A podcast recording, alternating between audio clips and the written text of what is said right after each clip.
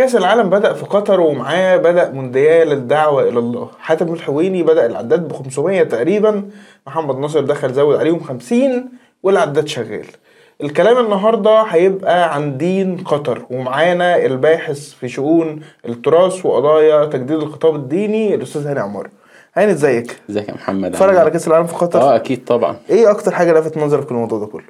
على مستوى التنظيم آه. مثلا موضوع الخيام ده مثلا آه، من الحاجات اللي لفتت نظري. اشمعنى؟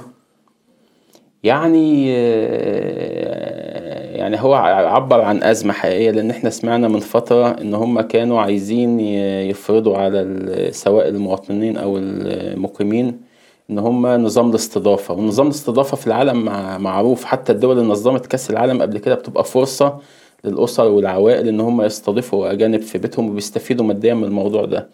لكن على ما يبدو إن الموضوع فشل أو أو فشلوا في إقناع أو أو خافوا من المشاكل آه، بسبب الطبيعة المحافظة. الطبيعة الخارجية المحافظة اولا وتاني حاجة طبيعة العاملين في قطر برضو أغلبهم محافظين آه، سواء هنود باكستان برضو من بيئات إسلامية محافظة.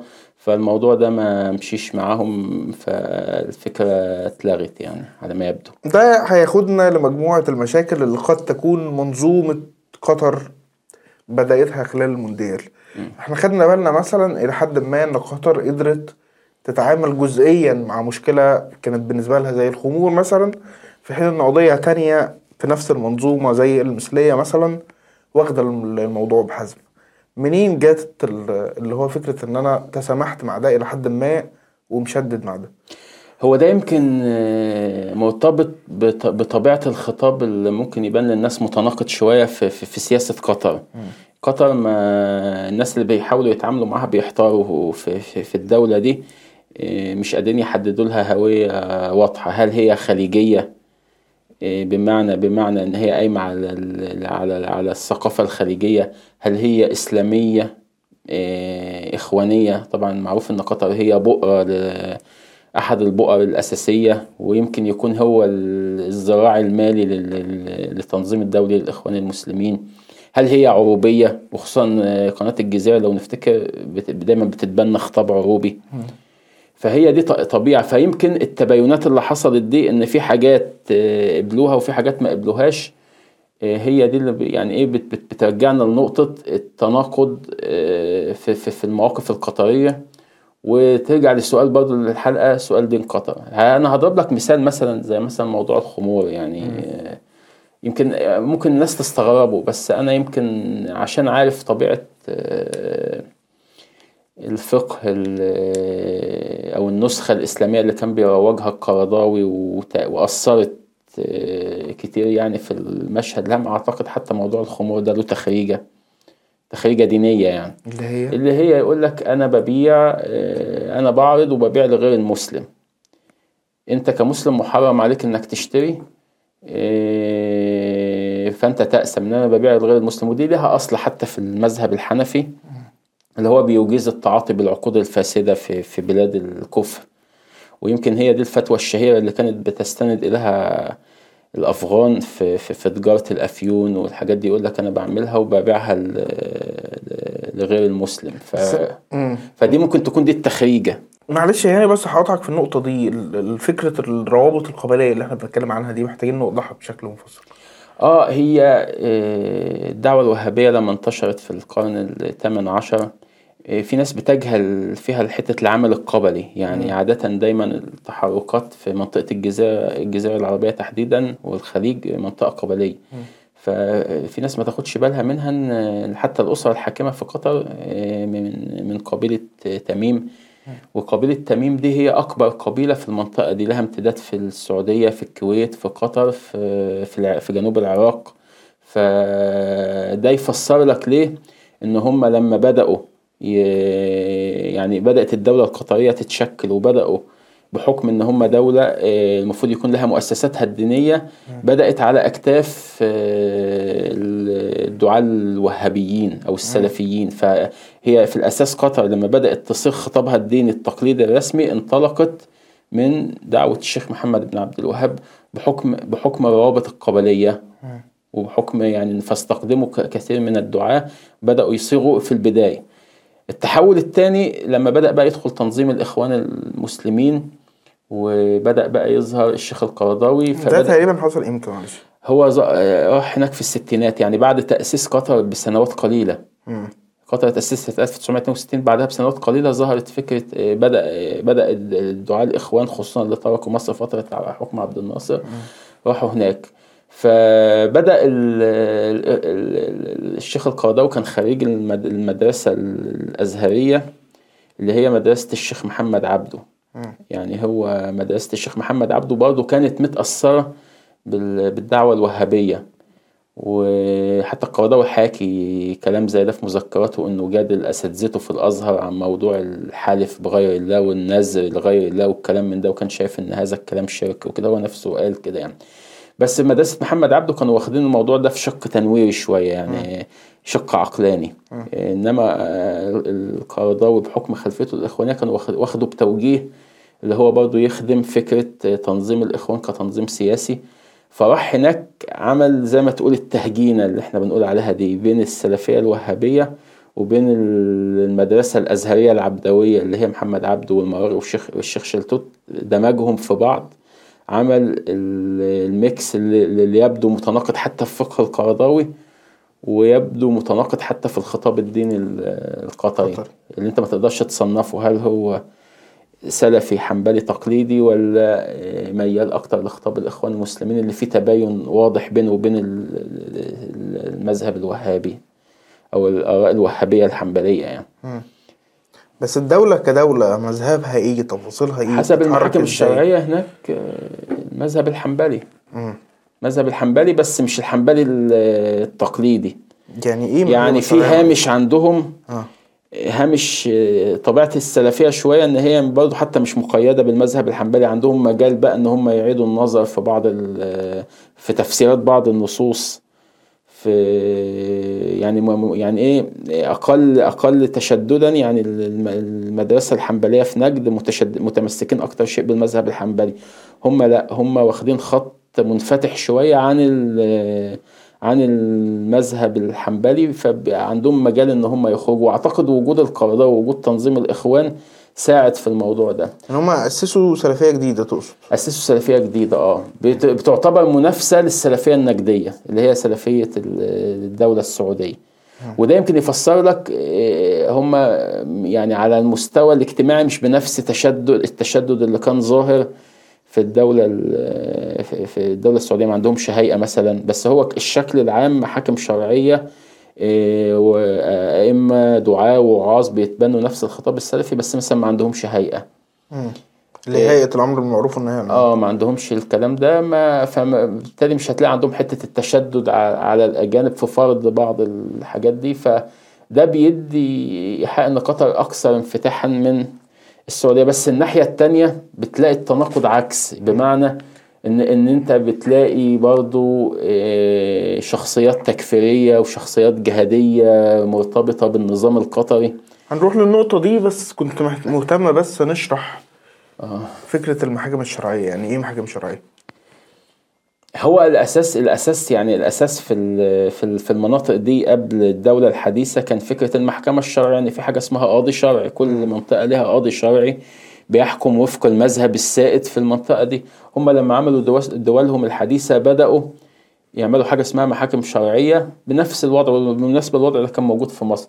وشيء في شيء آه، بدأوا يدخلوا معاها القوانين المدنية.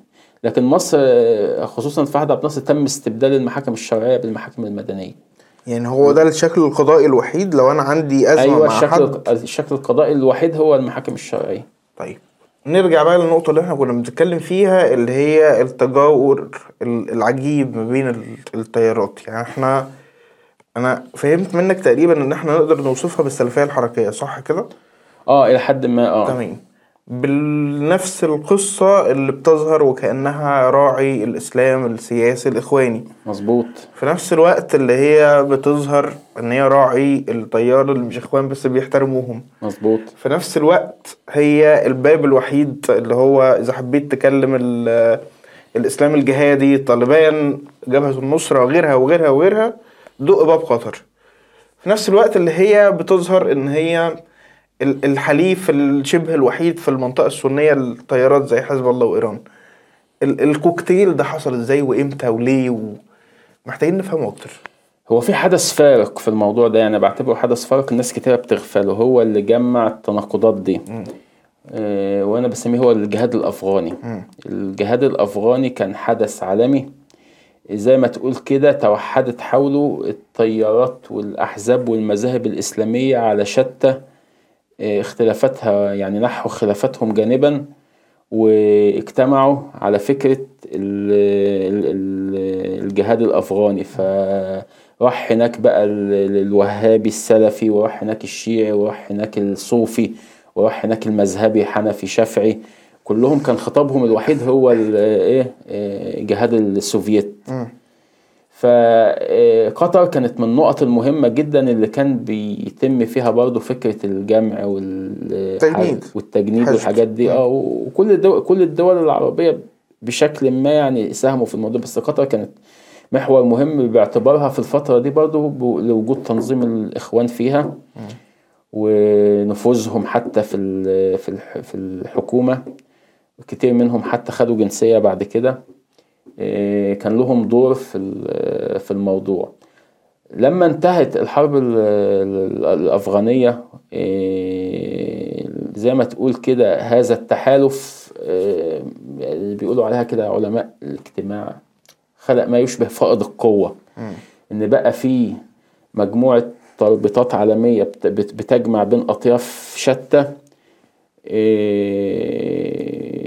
الهدف اللي اتجمعوا عليه غير م- يعني أصبح غير موجود.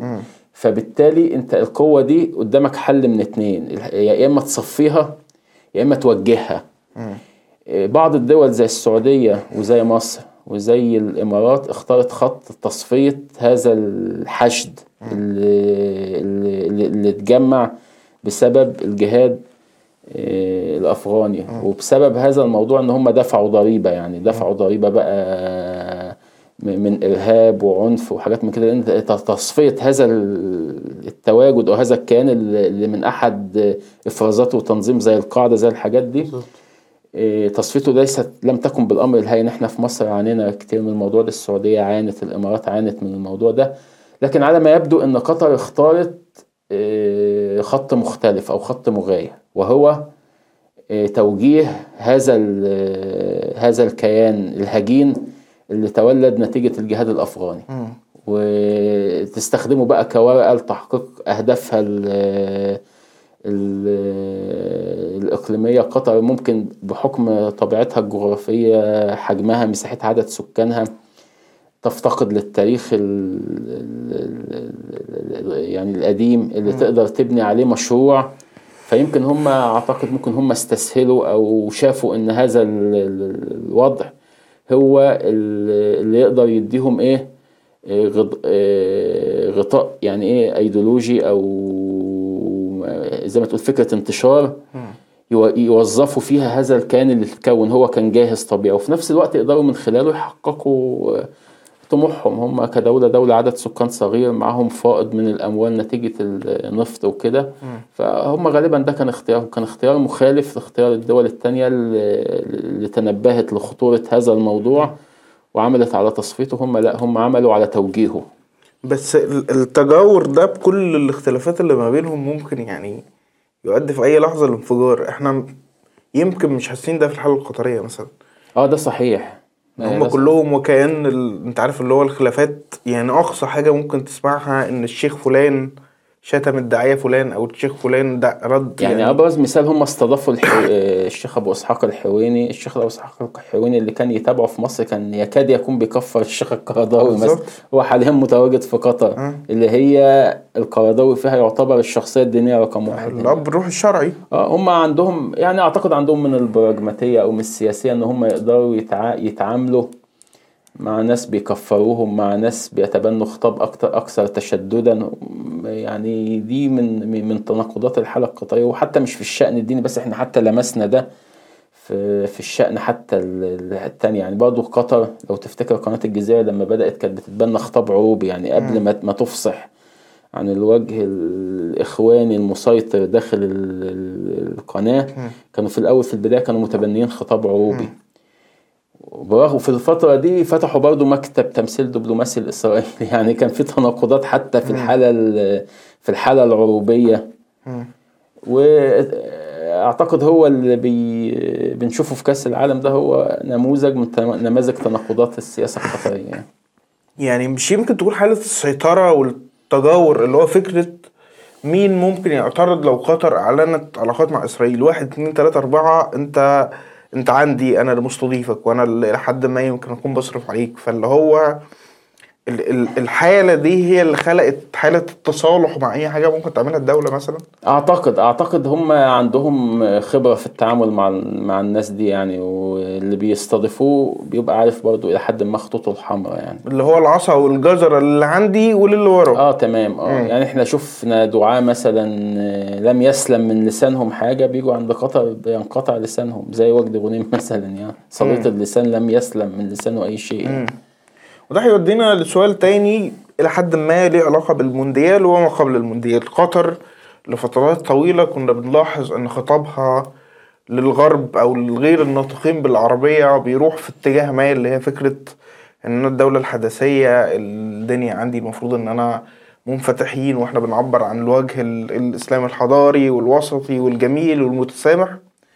ولما بيجي الخطاب عندنا شوية يبقى مختلف. كأس العالم أوجد إن هو فكرة إن لازم الخطاب يبقى متقارب فظهر فكرة إن أنا بقيت مضطر أقول لأ. ليه قطر اضطرت في الفترة دي إن هي تعمل الحالة دي؟ إذا كنا من شوية لسه بنقول إن هي كانت يعني هي مسيطرة داخليا اللي هي هتجد من يبرر ليها أي تصرف ما ما هو على حسب يعني أنا قلت لك أنا ضربت مثل بموضوع الخمر هم لقوا يعني مسوغ في موضوع ال- الخمر مثلا أنا توقعي. بس أعتقد موضوع مثلا زي المثلية موضوع بالنسبة لهم صعب يعني. كانتش هتقدر تبيعه لل ما فيش ما فيش أي يمكن إحنا كنا اتكلمنا قبل كده عن الإسلام الأوروبي الحداثي بيحاول يعني إيه يتصالح مع يتصالح مع الموضوع ده في كتبت أنا مقالة في الموضوع ده. مم. لكن هم بحكم إنه على إنه على أرض قطرية وأرض مسلمة الموضوع آه، هي- هيبقى إن كنت أتوقع إن حتى السياسة البراجماتيه القطرية تستوعبه لكن أعتقد لأسباب إن هو ممكن يعمل لهم مشاكل داخلية. فما قدروش يعني هو هم جم عند الملف ده توقفوا يعني. فهو لما جه لحالة إن أنا هختار فأنا الجمهور ال- اللي بيشتري خطابي بالعربي كان بالنسبة لي أهم. آه طبيعي وخصوصا إنه على أرض عربية. إنما لو كان في أي ملف تاني أعتقد كان ممكن من خلال الحقوقية من خلال أي شيء. لأن هم برضه في وقت من الأوقات كانوا بيرعوا فكرة المنظمات الحقوقية والحاجات دي. بس جه آه، الموضوع. آه بس جه الموضوع في أرضهم آه لا يتقبلوه يعني. آه لأسباب برضه حتى بغض النظر عن الدين ممكن فعلا أكيد الدوافع دينية بس برضه حتى الأسباب براجماتيه يعني حتى براجماتيه قطر لم تستطع أن تستوعب هذا الأمر يعني مم. فخلينا في ال safe side أحسن. آه خلينا في ال safe side بس ده يمكن مش هيبرر فكرة المبادرة الدعوية اللي قطر عملتها يعني هو بمنتهى البساطة الغرب كان هيقبل منك جزئيا اللي هو فكرة إن أنا مش هقدر أدخل معاك لعبة المثلية واللعبة وأنا اللي هي فكرة الاسترضاء إن أنا مش هقدر أعمل ده لأن اللي هتعمل لي مشاكل لكن فكرة إن أنت خدت الخطوة اللي بعدها إن هو فكرة إن أنت طول الوقت ال... شفنا المنشورات الدعوية شفنا ال... ال... اللافتات اللي موجودة في كل حتة شفنا الكلام على فكرة دعوة ال- الضيوف الأجانب لل- للإسلام. هل ده مبرر بنفس القصة ولا ولا دي سكة تانية؟ هو الموضوع له شقين. يعني فكرة إن قطر يعني بتستغل الموضوع ده للدعوة للإسلام هو الموضوع له شقين. في شق إن قطر أصلا مركز تجمع أو مركز منطلق لكثير من الحركات الإسلامية وتحديدا آه، خطاب الإخوان المسلمين يعني فأعتقد حدث زي ده مش هيفوتوه بشكل رسمي مش هيفوتوه يعني أكيد هيحاولوا يستغلوه الإخوان ح- أي واحد اتعامل وعارف فكرهم إن أي حدث أي تجمع حتى زمان في الحج وفي. كانوا بيستغلوا برضو إن أي تجمع أممي أو أي حاجة بيبقى فرصة إنك إيه, إيه تستغله. الجزئية التانية ويمكن دي تغيب عن ناس كتير اللي هي أصلا إن قطر زيها يعني زي عدد من الدول عندها أصلا وزارة أوقاف ودعوة وفي ناس موظفين في الحكومة آه، مهمته الدعوة وظيفته إنه داعية. وبياخد آه، مرتبه إنه يشتغل آه، داعية. فهم أصلا من قبل الظاهرة دي متبرمجين يعني طبيعة شغلهم إن هم حتى بيشتغلوا على على غير المسلمين في المجتمعات القطرية. فهم بحكم الطبيعة الوظيفية ليهم طبيعي حدث زي ده أكيد هيمارس ما ما يطلق عليه الدعوة. فيمكن الناس فايتها الجزئية دي. يعني هي دي طبيعة دي, دي وظيفتهم. في ناس أصلا دي شغلتهم هناك فبيستغلوا الموضوع ده. فحدث زي ده وز- وزارة الأوقاف والدعوة هناك مش هتفوته. أكيد هت هيقول لك إن إحنا برضه اشتغلنا وعملنا يعني رغم إن الموضوع باين فيه بعض شيء من التناقضات شيء من الحاجات ال يعني إيه اللي ممكن تبان لل- لل- للناس كده ممكن تكون مثيرة للسخرية إلى حد ما يعني آه. يعني ال 500 وشوية دول عليهم بونص لناس يعني أنا مش عايز أقول يعني الموضوع آه، في جزء منه دعائي يعني. أنا عايز أقول لك في ناس كتير من اللي بيدخلوا الإسلام في خصوصا في الدول الغنية بيبقى جزء كبير منهم آه، انتفاعي يعني. يعني أصل أنت مثلا واحد جاي من بيئة غير مسلمة وأسلم لما بيرجع بلده أنت يعني ما ما يعني ممكن مجرد إنه يعلن إسلامه في البلد اللي هو جاي فيها الدولة الغنية المسلمة بينال ترحاب مزايا بينال أشياء كتيرة. طبعا أنا لا أشكك في إسلام أي حد بس دي ظاهرة إحنا إحنا عايشناها ولمسناها يعني. هو لما هيرجع بلده ه... ه... أنت يعني إيه ما ما ما يعني ما يدريك إن هو بيسلم بهدف إن هو فعلا اقتنع يعني خصوصا أصلا فكرة إن الإنسان يقتنع بدين دي عملية بتحتاج بحث إنما مش مجرد إنه جه وواحد قال له كلمتين اتأثر اقتنع يعني ده تصور إيه؟ بسيط شوية يكاد يقترب من السذاجة يعني. فممكن وارد يكون في ناس آه، اقتنعت وفي قطاع لا يمكن تجاهل هذه الفكرة إن في قطاع الموضوع بالنسبة له انتفاع وبعد ما بي- بيجي البلاد دي بيسلم وبعد ما بيرجع بلده تاني بي بي خلاص بيمارس حياته الطبيعية. ومفيش أي رقيب عليه يعني لحد هيقول له هيتصل بيقول له أنت بتعمل إيه في بلدك؟ وخصوصا إن كلهم أصلا جايين من بيئات غير إسلامية. وأنت عشان تبقى إنسان مسلم وتمارس الإسلام أصلا لازم تكون في بيئة مسلمة تساعدك على على الموضوع ده لأن في جزء كبير في الإسلام ثقافي لازم تكون مولود ومتعود على على هذه الأمور. وإحنا بنشوف التناقضات دي بارزة بقى في حتى في المسلمين في الغرب ما بيقدر في حاجات كتيرة ما بيقدروش يتأقلموا فيها بيسلم وبيفضل بيحتفظ بكتير من التناقضات دي يعني. يعني مورجان ما أسلمش؟ لا ما أعتقدش. نورتنا هنا. شكرا. شكرا لوقتكم وكده بتكون خلصت حلقتنا. نشوفكم الحلقة الجاية.